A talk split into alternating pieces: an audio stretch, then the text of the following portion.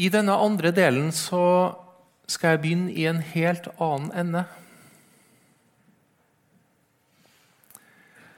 Jeg skal begynne med å si noe som eh,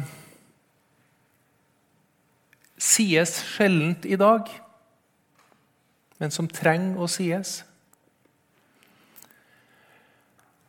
Noe som ligger bakenfor åndskampen, noe som vi trenger å forstå for å skjønne.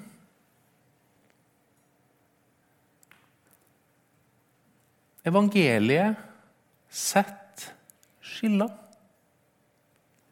Budskapet om korset setter skiller. Sannheten setter skiller. Jesu kors vekker nemlig motstand.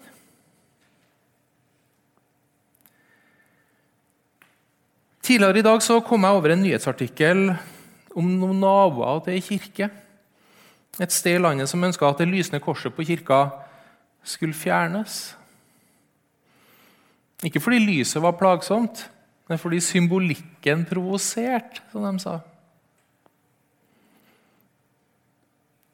Jesu kors provoserer. Når jeg sier det, så snakker jeg om noe som stikker dypere enn bare en motstand mot korssymbolet. Å forkynne korset provoserer fordi det setter lyset på. Korset sier du må si det som det er. Du må erkjenne sannheten. Skal du bli fri, må du la deg avsløre av lyset fra Jesus.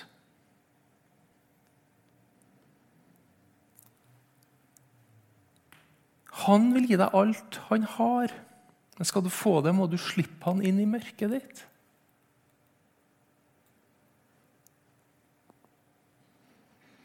Det er det evangeliet egentlig sier. Og det er det som er så tydelig i vekkelsestida. Det er det som skjer. Vi forstår hva korset betyr. Lyset slipper inn.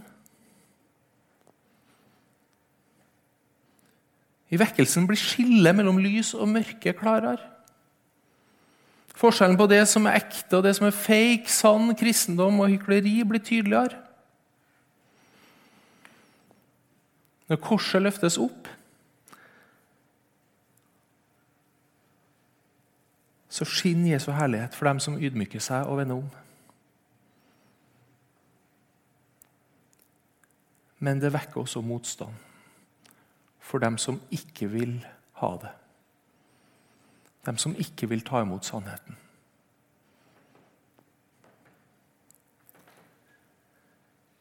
Dette snakker Jesus også om.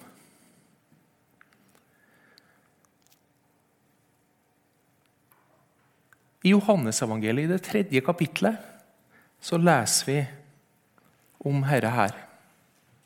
Jesus forklarer så å si prinsippet. I Johannes 3 så snakker Jesus med Nikodemus, og det er jo her vi finner det som gjerne kalles Den lille bibel. Og Vi skal lese fra vers 16 og utover. For så høyt har Gud elsket verden, at han ga sin sønn den enbårne, for at hver den som tror på ham, ikke skal gå fortapt, men ha evig liv. Det er den åpne invitasjonen. I utgangspunktet er evangeliet et fullstendig, fullstendig åpne tilbud. På den måten setter ikke evangeliet skille. Det er åpent for alle. Og det står videre Gud sendte ikke sin sønn til verden for å dømme verden, men for at verden skulle bli frelst ved ham. Det er det Gud vil. Den som tror på ham, blir ikke dømt. Den som tror på han, er frikjent. Dommen er allerede, allerede, allerede felt. Og han har sjøl tatt dommen på seg. Men den som ikke tror, er allerede dømt fordi han ikke tror på Guds enbårne sønns navn. Og så står det det som er hovedpoenget mitt. Og dette er dommen. Lyset er kommet til verden, men menneskene elsket mørket høyere enn lyset fordi deres gjerninger var onde. For den som gjør det onde, hater lyset og kommer ikke til lyset for at hans gjerninger ikke skal bli avslørt. Men den som følger sannheten, kommer til lyset så det skal bli klart at hans gjerninger er gjort i Gud. Korset avslører.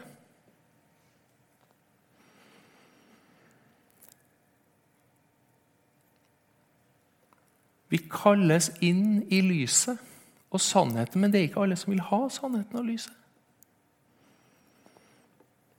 Korset dømmer det naturlige mennesket som vil klare seg sjøl og ikke vil bøye seg for Herren. Og det er krevende, en krevende side av det. Det er den ubehagelige sannheten om sannheten, kunne vi si. Det er ikke alle som vil ha, ha han. I all sann kristen vekkelse så flyter Guds nådestrømmer. Det er det som er vekkelse. Guds nådestrømmer bare flyter. Men det skjer ved at Ånden leder oss til sannheten. Og det er noe ved sannheten i seg sjøl som kan vekke motstand og protest, som provoserer.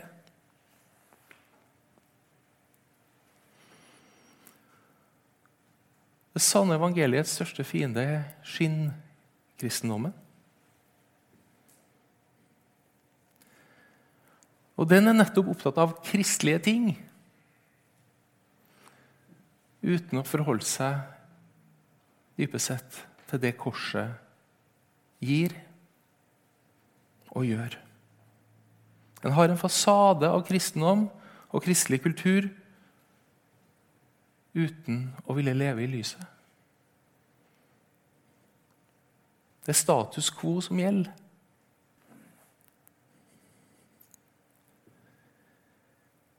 Når Guds rike bryter gjennom, når vi slipper Guds lys inn og gir Han rett, fornyelsen kommer, så kommer den sterkeste motstanden fra religiøse mennesker. Sånn har det alltid vært. Og sånn vil det alltid være. Vi ser det i evangeliene og apostlenes gjerninger. Vi ser det i vekkelseshistorien. Det er nå all erfaring tilsier.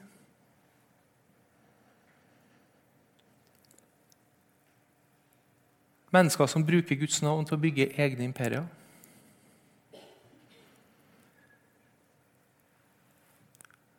Mennesker som først og fremst er drevet av egne ambisjoner.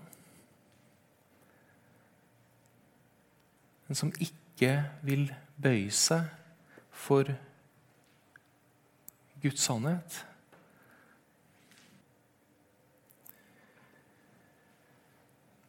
Der den sanne kristne fornyelsen og vekkelsen bryter frem, vil de religiøse motkreftene komme. Sånn er det bare. Og de opptrer gjerne på bestemte måter. De opererer gjennom en typisk dynamikk. De vil kontrollere.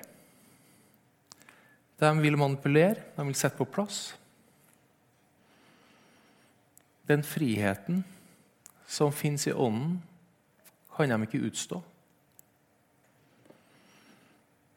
De gjør det de kan for å stoppe den.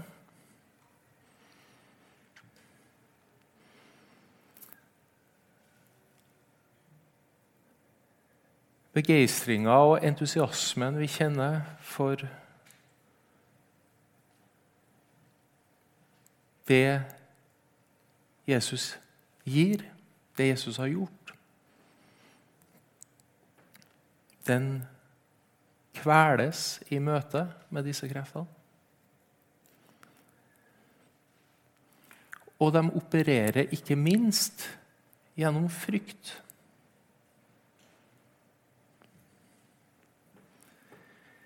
Ofte i kombinasjon med å skape forvirring og påføre oss falsk skyld. De vil gjerne fortelle oss her gjør vi som vi alltid har gjort det. Eller de kan komme med en insinuasjon. Hvem tror du at du er? Tror du at du er noe spesielt, eller? Tror du at du er litt bedre enn oss andre? Eller når du, kommer her, når du kommer med dette her, så er det en sånn splitte. Du truer enigheten mellom kristne. Hvis du opplever at du møter religiøse krefter som skaper frykt, så er du i godt selskap. Jesus sjøl møtte hele tiden religiøse krefter i sin tjeneste. De var hans største motstandere.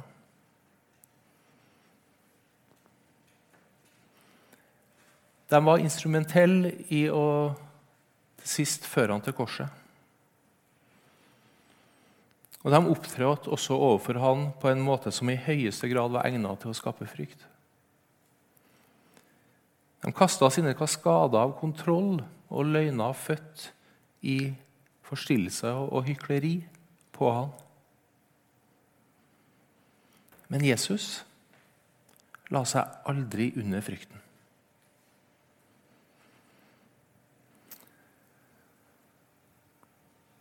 Jeg vil at vi skal gå til en spesiell episode også i Johannesevangeliet som viser dette spesielt tydelig. Det er i Johannesevangeliet, det åttende kapittel, fra vers 31 og utover. En ganske lang samtale mellom Jesus og noen jøder som var kommet til tro på han, som det står. Johannes 8, 31 og følgende. De tror, altså. Det står at de var kommet til tro på ham, disse jødene. Men det skal fort vise seg at trua ikke er ekte.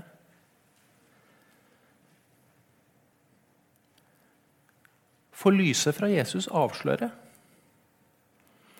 De vil ikke ha sannheten som han kommer med. Det som skjer her, er egentlig bare en demonstrasjon av prinsippet i Johannes 3 som jeg var inne på, i sted.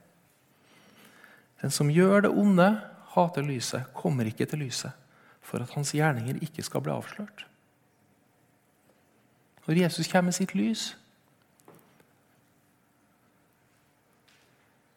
så går de bare i forsvar og til motangrep. Det hele begynner med Jesu åpne invitasjon igjen. Jesus inviterer jo helt åpent. Evangeliet er åpent i utgangspunktet for alle. Han sier, 'Hvis dere blir i mitt ord, er dere virkelig mine disipler.' Da skal dere kjenne sannheten, og sannheten skal gjøre dere fri.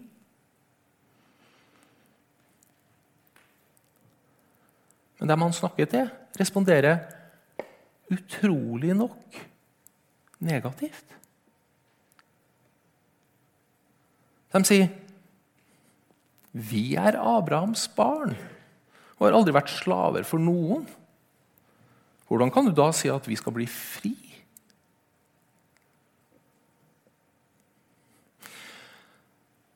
Logikken i innvendinga deres er omtrent sånn Utfordrer du privilegiene vi har i kraft av tradisjonen?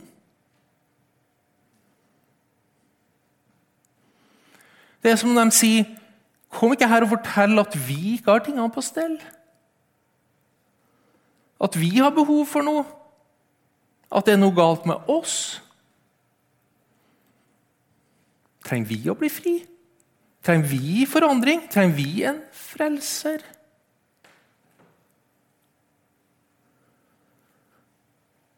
Det ligger en forutsetning i det Jesus sier, som de ikke aksepterer. At de i utgangspunktet skulle være bundet. Og det her er religiøsitetens ansikt.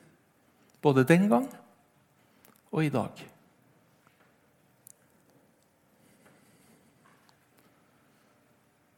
Framfor korset så er vi alle i samme båt. Vi er helt på lik linje. Og vi må alle bøye oss for at vi dypest sett kan ta imot det. Ta imot det Jesus har å gi. Men det er det de religiøse kreftene nekter å gjøre. I stedet prøver de å få oss til å tro at det er oss det er noe galt med når vi, vi lever ut og forkynner det sanne evangeliet. De snur det mot oss.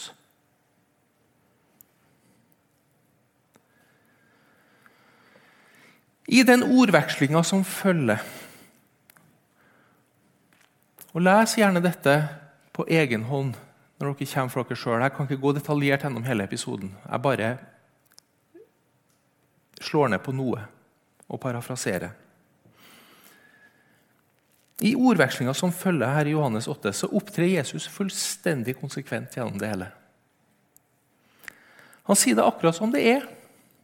Legg ikke fingrene imellom. Han blir stående i sannheten, sjøl om samtalen blir stadig mer tilspissa. For det blir han. Dem han snakker med, fortsetter på sin side og forsvarer seg. Og så sparke tilbake med alle midler. Og Ettersom samtalen utvikler seg, så blir angrepene bare sjoflar og sjoflar, og karakteristikkene stadig grovere. Vi er Abrahams ett og har Abraham til far, er altså det første de sier. Når Jesus svarer at de opptrer på en helt annen måte enn Abraham ville ha gjort, at de umulig kan være Abrahams barn, så setter de inn et motstøt, et bakholdsangrep. Det kommer liksom ut av ingenting. Vi er ikke født i hor. Underforstått vi har noe på det. Det er ikke vi som har et problem, det er du.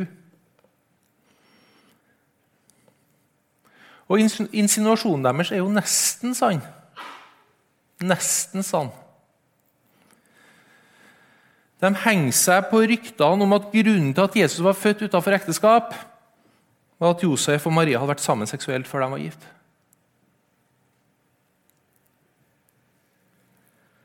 Og Samtidig som de gjør det, så endrer de versjon om hvem som er deres far. Vi har bare én far, Gud. Én far, nemlig Gud. Og De altså hadde nettopp sagt at de hadde Abraham til far, men nå er det Gud som er deres eneste far.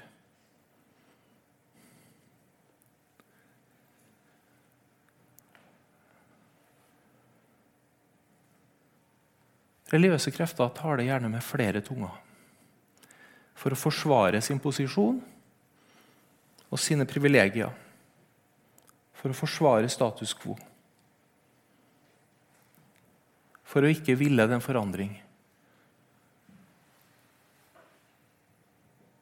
som Gud kaller oss til. Og De manøvrerer ofte ved å forvirre og kaste falsk skyld på oss, sånn at vi tenker det er meg det er noe gærent med. Det må være meg det er noe gærent med. Men Jesus vippes ikke av pinnen.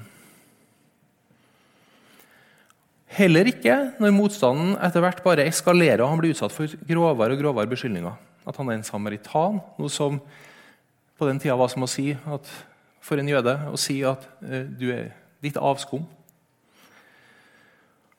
Og at han har en ond ånd i seg.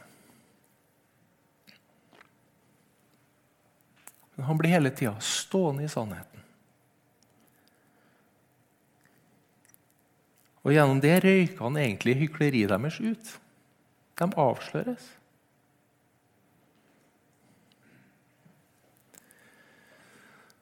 Jeg har allerede vært inn på det. Det som ikke minst ofte skjer i åndskamp, er at det blir så utrolig vanskelig å holde fast på sannheten.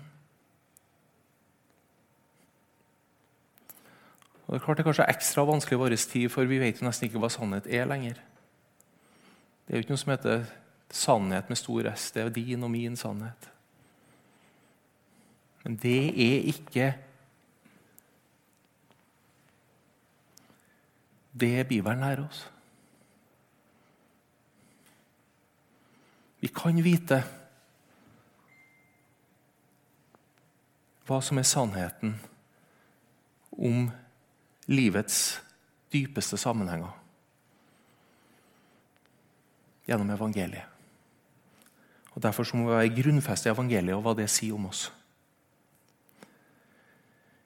Når vi kommer i åndskamp, er det så vanskelig å holde fast på sannheten. Når vi kommer under forvirring som gjør at vi begynner å tro løgner. Og Det er også dette som ofte en opplever i, nettopp i møte med religiøse krefter.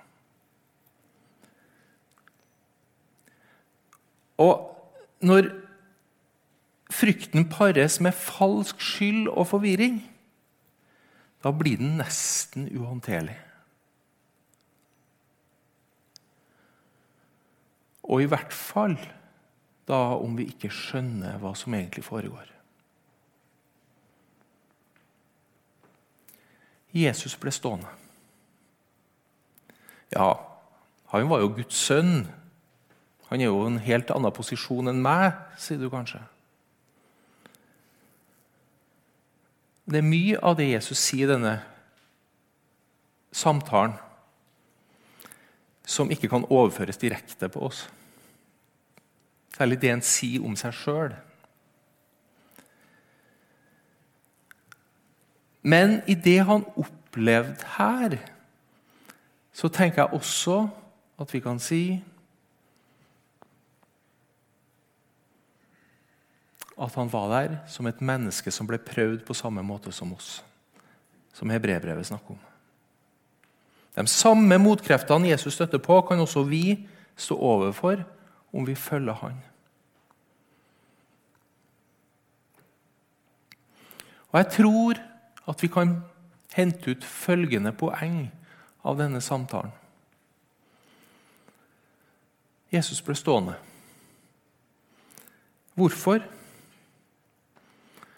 Og I Johannesevangeliet kan vi skimte i hvert fall to nøkler. For det første avslørte han falskheten i de religiøse kreftene. Han skjønte hva som foregikk. Han så tvers gjennom det.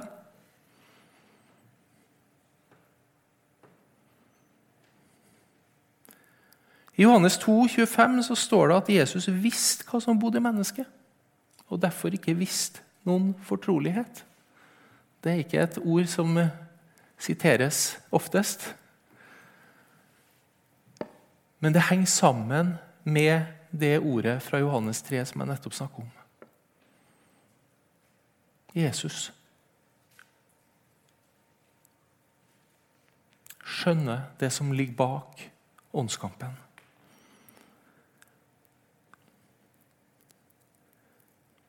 Han vet hva som bor i mennesket.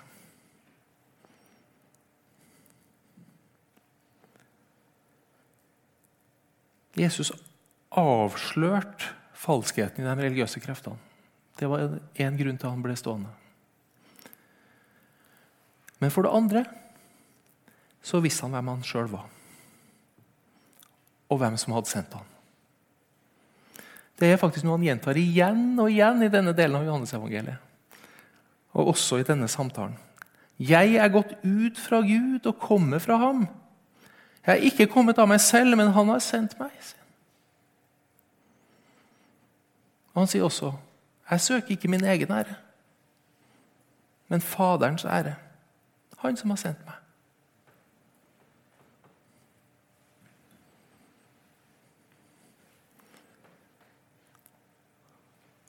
Og den ære og bekreftelse han får, er det Gud sjøl som gir ham.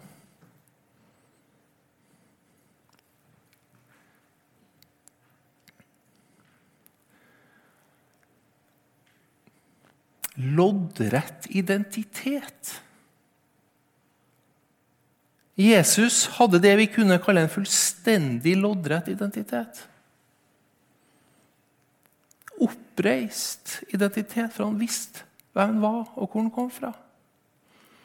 Og bare Jesus kunne ha en sånn fullkommen loddrett identitet fordi han var Guds sønn. Men også vi som følger han, som er hans disipler, må også strebe etter dette å ha en loddrett identitet. Også for oss ligger det en viktig nøkkel der. For å bli stående i kampfulle tider, for å bli stående i sannheten. Vi må forstå hvilke åndelige lover som er i spill. De tingene som jeg snakka om her i dag. Vi må forstå hvordan motkreftene manøvrerer gjennom frykt og forvirring. Og når vi møter Herre i kristne miljøer, hos mennesker, så må vi huske at kampen ikke er mot kjøtt og blod. La meg understreke det. Vi må huske at kampen ikke er mot kjøtt og blod, men mot makta og myndighetene bak. Vi kjemper ikke mot mennesker. Vi står i en åndelig kamp. Men vi må også vite hvem vi sjøl er i Kristus. Det er grunnfesta i det. Være grunnfesta i hvem det er som har kalt oss. Og hold fast på sannheten. Det er sånn vi kan bli stående på den onde dag. I kampen. Vi må utvikle den gudsfrykt som trumfer menneskefrykten. Den som kommer av at vi slipper tak i oss sjøl, og også søker Guds vilje og ære alene.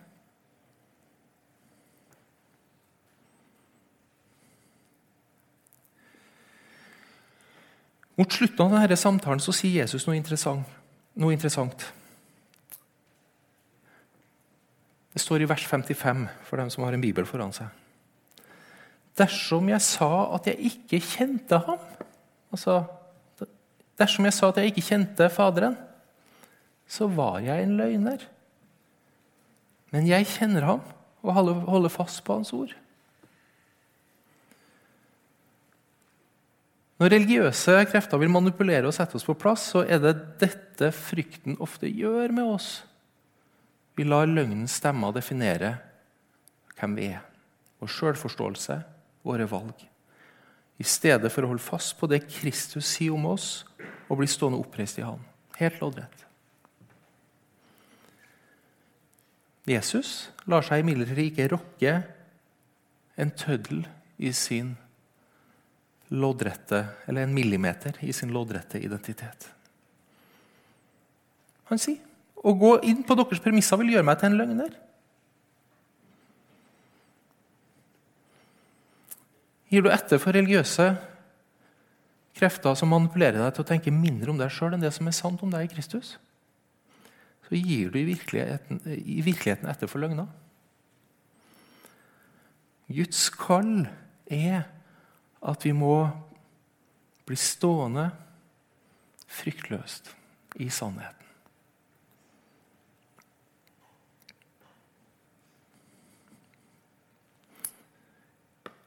I det siste har jeg hørt en del fortellinger som har rysta meg. Om mennesker som står under religiøse krefter.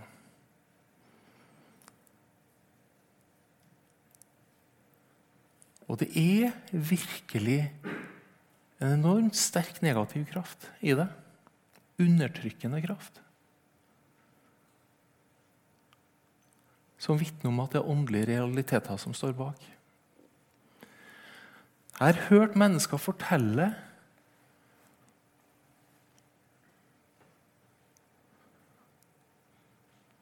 hvordan det å stå overfor slike krefter nærmest tar fra dem. Ikke bare sjøltillit eller frimodighet, men nærmest Jesus sjøl. At nærmest mister liksom klarheten hva en har i evangeliet.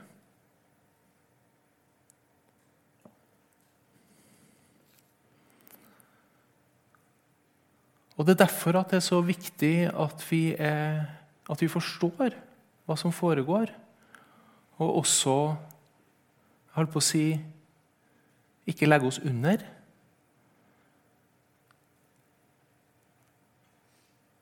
Men uh, tar Men holder fast på sannheten. Og kanskje må vi også fjerne oss rent eh, praktisk og fysisk, for å si det sånn. I noen tilfeller.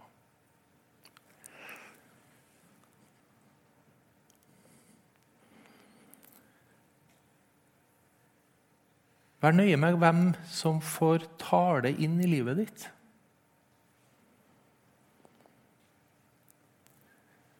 Vær nøye med hvem du lar ha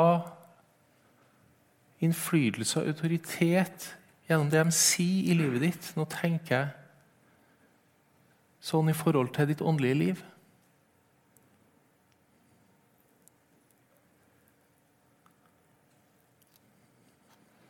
Vern om den skatten du har fått, du som har kommet ut i åndens frihet.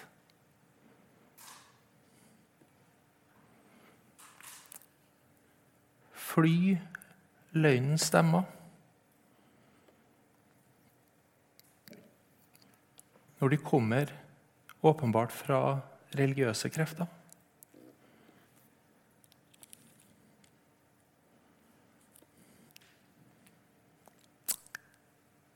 I Lukasevangeliet, det tolvte kapittel, så snakker Jesus mye om det å ikke være redd.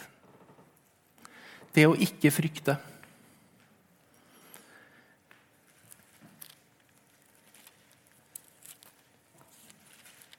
Det er en lengre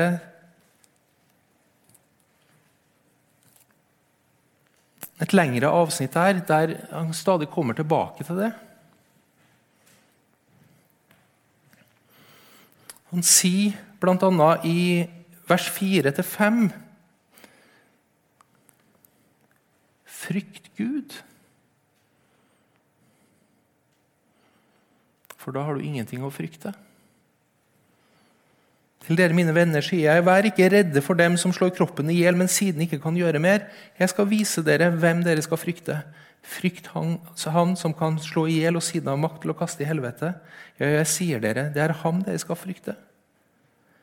Selges ikke fem spurver for en par skilling, og ikke en av dem er glemt hos Gud. Men til og med hvert hårstrå dere har på hodet, er talt. Vær ikke redde, dere er mer verdt enn mange spurver. Frykt Gud, men frykt ikke. Frykt Gud, for da frykter du ikke. Høres ut som en sjølmotsigelse, men det er ikke det. Det er faktisk ganske mange ganger i Bibelen det står det. I den ene sammenhengen så står det 'frykt Gud', som jo betyr å bøye seg for hans makt. Han som er skaper og dommer. For da frykter du ikke. Så kommer det videre. Vær ikke bekymra for mat og klær og det dere trenger til livet. Søk først Guds rike og hans rettferdighet, så skal dere få alt annet i tillegg. Og i vers 32 det verset jeg starta, med, starta eh, undervisninga med. Vær ikke redd, du lille flokk, for det er deres fars gode vilje å gi dere rike. Hele det avsnittet begynner faktisk i kapittel 12 med en advarsel av Jesus. 12 vers 1-3. Ta dere i vare for fariseernes surdeig, hykleriet deres. Ingenting er tildekket som ikke skal bli avdekket, og ingenting skjult som ikke skal bli kjent. Derfor skal alt dere har sagt i mørket, bli hørt i lyset, og det dere har hvisket i enerom, skal bli ropt ut fra takene. Det som ligger i mørket, det skal bli Kom fram i lyset en dag. Men den som har tatt imot Jesus og leve i lyset, for den så er dommen allerede over.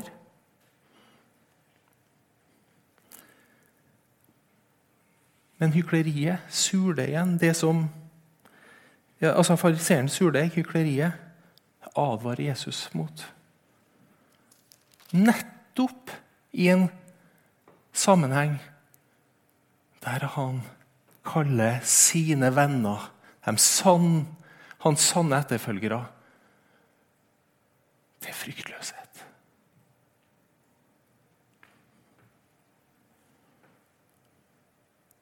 Til radikal fryktløshet. Vær ikke redd. Det er Guds vilje å gi dere riket. Det er Faderens gode vilje å gi dere riket.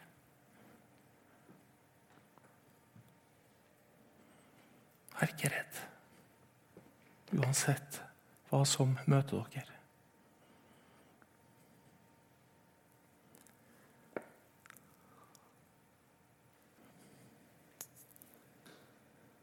Vær modig og sterk. La deg ikke skremme, og mist ikke motet. For Herren din Gud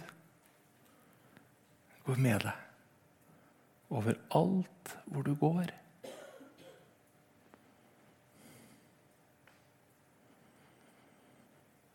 Herre, jeg priser deg og takker deg fordi at fordi du sitter på tronen, så er det ingen grunn, dypest sett, til å frykte.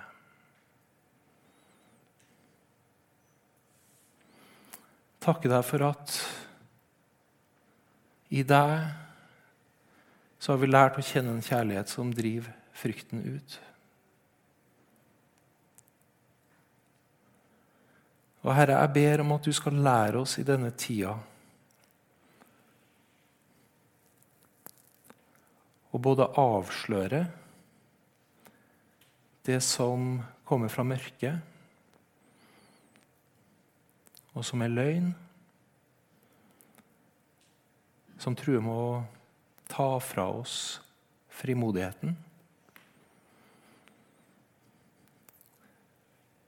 Men jeg ber også om at du skal lære oss å stå oppreist i deg. Med en loddrett identitet. At du virkelig skal grunnfeste oss i hva vi har i deg, sånn at det blir hele grunnen vi lever ut fra. Jeg priser og lover og ærer ditt navn. makten og æren, den er din. Amen.